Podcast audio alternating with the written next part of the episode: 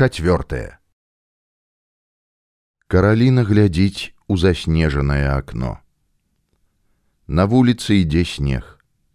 Ветру няма і таму сняжынкі, бухматыя і лёгкія, плаўна апускаюцца на зямлю.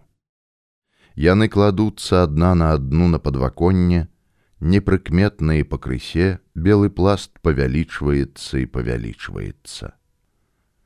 У хаце цёпла, У грубцы гараць дровы, чуваць, як патрэсквае агонь, кранаючы берасцяныя чурбакі. На душы трывожна і ў той жа час яе ахоплівае пачуццё і задаволенасці. Дзяўчына адчула, што ў яе жыцці наступіў пералом. Зроблены важны крок у заўтрашні дзень. Колькі дзён назад яе паклікаў цытус далеўскі Яна не ведала, з якой прычыны яна спатрэбілася яму. І да гэтага не раз клікаў. Прасіў аднесці па ўказаным адрасе карэспандэнцыю, забраць адтуль прызначаную яму. Аднойчы яна пайшла на тайную кватэру таго, якога ўсе аберагалі ад царскіх шпікаў, прозвішча якога стараліся не вымаўляць у голас і ёй тады цытус нічога не паведаміў пра прозвішча. Толькі сказаў: Караліна Яцына, просьба вялікая да цябе. Схадзі па адрасе, спытай, ці не трэба пану чарнаўскаму малако з вёскі. Чалавек адкрые дзверы і аддасць табе пакунак з паперамі. Пакладзі той пакунак на дно кашолкі, накрый чым-небудзь, прынясі пад вечар мне пастукалася ёй адчынілі. На лесвічную пляцоўку выйшаў юнак. Уважліва паглядзеў на яе пранізаў праніклівым позіркам. Дзяўчына адчула як загарэліся яе шчокі пастаралася прыкрыць іх далоньмі. Не магла вымавіць і слова. Не трэба хвалявацца супакоіў яе канспіратор вам тут нічога не пагражае. Хуценька дастаў з унутранай кішэні, накінутага на плечы пінжака скрутак паперы, паклаў ёй у кошык. Сёння малако мне не трэба, а заўтра, калі ласка, прынясіце. Дыктатар, а гэта быў ён, як нечакана вырас перад яе вачыма, так і знік за зачыненымі дзвярыма спускалася па прыступках і не чула, як ногі дакраналіся да іх. Цяпер я ведаю, якой ён валодае ўнутранай прыцягальнай сілай, палохалася яна самой сябе. Езус Христус, зрабі так, каб я яшчэ раз убачыла яго. Яна не памятала, як дайшла дадому, як адчыніла дзверы і зайшла ў хату. Пра нешта папыталася ў яе маці, адказала няўцямна і бязгучна. Здзіўлена паглядзеў на яе бацька, яго голас, як скрозь тугі туман данёсся да яе. Яна толькі вінавата усміхнулася ў адказ і заспяшалася ў свой пакойчык. Дачушка, што з табой? нахілілася над ёю спалоханая маці. Караліна маўчала, а думкамі была яшчэ там, на лесвічнай пляцоўцы дома на антокалі, што за касцёлам святого Пятра у доме каханоўскага. Ніякі ён не чарноўскі, жыў у грэгатовічаў пад прозвішчам каліноўскага. Жыў нядоўга, каля двух месяцаў, там і сустракаў 1863 год. Там жа кватаравалі дзяўчаты, Стафанія Фальская і Браніслава Сідарович. Сама чула, як яны амаль спрачаліся паміж сабою, на каго ён зверне сваю ўвагу. А яму не да іх было, зусім пра іншае балела яго сэрца. Ад Грыгатовічаў пераехаў на кватэру, якая знаходзілася каля манастыра баніфратраў, якая належала кельчэўскай, Там ён ужо называўся Макарэвічам. Каралінка, скажы што з табою здарылася. Мо доктара паклікаць? Дачка прымружыла вочы уздыхнула не чуючы як маці дакранулася да яе лба правярала ці не гарачка прыкінулася да яе. Не расплюшчваючы вачэй прамовіла амаль прашаптала.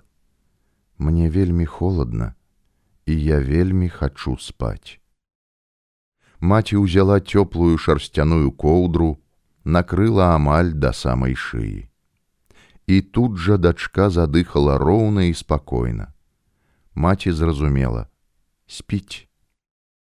Нічога паведаміла мужу. Прыступ нейкі лёгкі ў яе але трэба будзе паказаць доктару узроставая выказаў меркаванне пятро михайлович кладучыся ў ложак раніцай караліна прачнулася разам з усімі маці за сняданкам не напамінала ёй пра ўчарашняе а дачка бачна было і не памятала нічога, што з ёю адбылося. Праз колькі дзён зноў паклікаў караліну цытус далеўскі. Ёсць каралінка да цябе просьба. Вялікая просьба. Далеўскі выглядаў нейкім стомленым, ад недасыпання вочы сталі чырвонымі і павекі набрынялі. Міргаў запаволены рэдка пазнаёміліся яны ўжо даўнавата.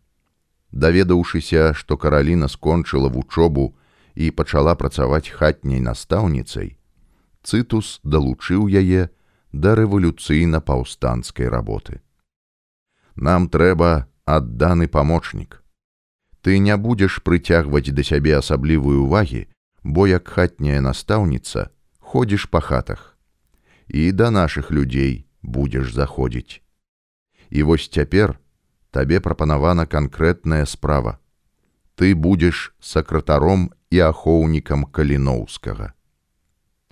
Няўжо, Няўжо мяне так блізка падпусцілі да яго. Ведаю, яго сэрца належыць іншай, і таму я ахвярую сваё каханне дзеля агульнай і высакароднай справы.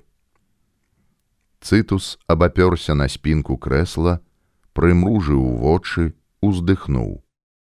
Даруй, што я такі нягеглы сёння. Усю ноч працаваў, рыхтаваў для яго дакументы. Вазьмі іх, яны ляжаць на стале ў зялёнай папцы. Ты іх павінна заўтра вечарам аднесці яму. Ён і раскажа табе, што табе трэба будзе рабіць. Праз сем гадзін я з'еду з вільні, таму цяпер і паклікаў цябе. Караліна ўзяла са стала тэчку, паклала ў свой настаўніцкі портфель. Я магу ісці, цытус. З Богом, каралінка. Цытус прычыніў за ёю дзверы, на пляцоўку не выходзіў. У пад'ездзе было ціха, ні воклічаў, ні галасоў. Яна павольна, як і належыць хатняй настаўніцы, пачала спускацца па прыступках уніз. Эх, каб каб узважылі ўсё, ды прыслухаліся да парад мудрых і вопытных. Дык не, па бакунінску выйшла ўсё ж, распачнем, а там і трава не расці, будзе кожны тым, кім хоча. Ды як той казаў, Бог хацення не даў. Я думаю, што польская рэвалюцыя на самай справе адбудзецца тады, калі паўстанне польскае пяройдзе суседнімі губернямі ў рускае сялянскае паўстанне. Для гэтага неабходна, каб само польскае паўстанне з характару толькі нацыянальнага перайшло ў характар паўстання сялянскага і такім чынам паслужыла б ферментам вызначэння для рассіі і маларосіі. Гэта залатыя словы міколы агарова да арганізатараў паўстання. Але яны дасланыя са спазненнем вясной 1863 года, а паўстанне ўспыхнула ў ноч на 23 студзеня таго ж года. А калі б даслалі і своечасова, ці прыслухаліся б да яго правадыры паўстання. Эх, каб каб прыслухаліся, ды падрыхтавалі ўсё як след. Канстантин Каліноўскі, як Александр Герцан і Мікола Агароў, разумеў, што сітуацыя, якая склалася ў рассіі і Польшчы, не мела магчымасці разгарнуцца ва ўсю моц, перарасці ў сялянскую вайну і раскатурхаць спячую і лянівую рассію. Яны не былі песімістамі, просто аналізавалі сітуацыю. Як толькі пачалося паўстанне, Герцан пісаў у сваім выданні, звяртаючыся да сяброў паўстанцаў, да Канстанціна Каліноўскага. Так, палякі браты, ці загінеце ў вашых дрымучых міцкевіцкіх лясах, ці вернецеся вы вольнымі ў вольную варшаву, цывілізаваны свет усё роўна не можа вам адмовіць у шчырым здзіўленні. Вы вялікія. Душой і сэрцам перажывалі герцан і агароў за паўстанне, за жыцці яго правадыроў і паўстанцаў. Падзяка ім за гэта вялікая. Не толькі словам, а і справай дапамагаў Александр Герцан народнаму рушанню. Ён выдзеліў грошы для закупкі зброі, нават паслаў атрад валанцёраў добраахвотнікаў за свой кошт. Яго пасланец у красавіку прывёз ліст да каліноўскага, у якім выказваў сваю цвёрдую надзею і спадзяванне на шчаслівы зыход распачатай справы. А палякі малайцы рашылі, што б не стала працягваць рэвалюцыю, якая і будзе за ранкам нашай свабоды.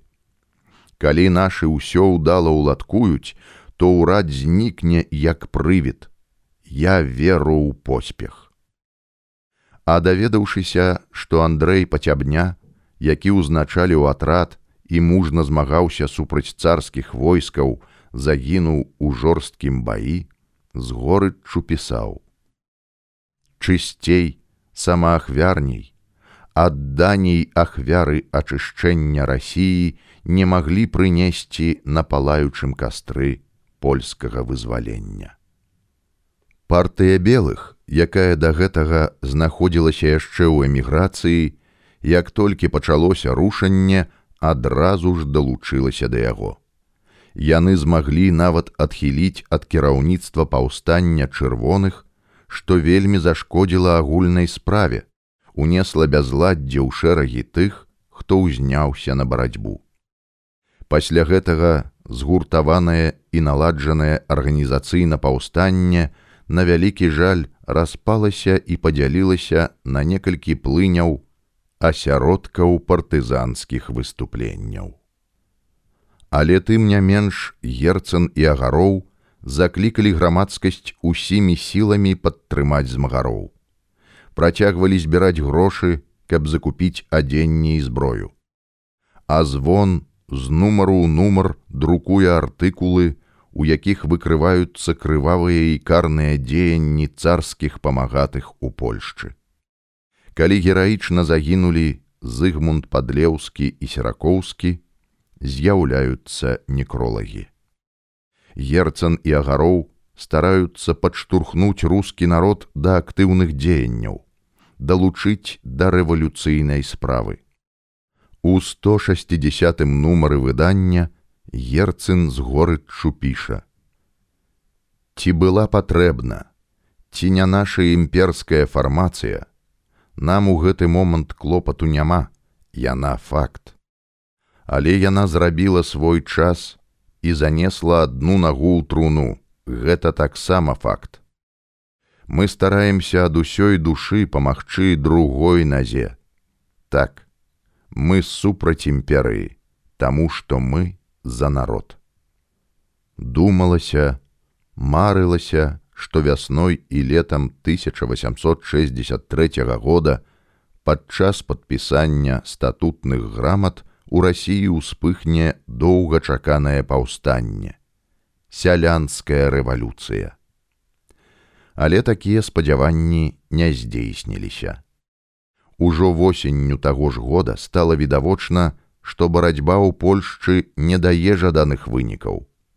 А гэта азначала і ніякіх рэвалюцыйных перспектываў для рассіі.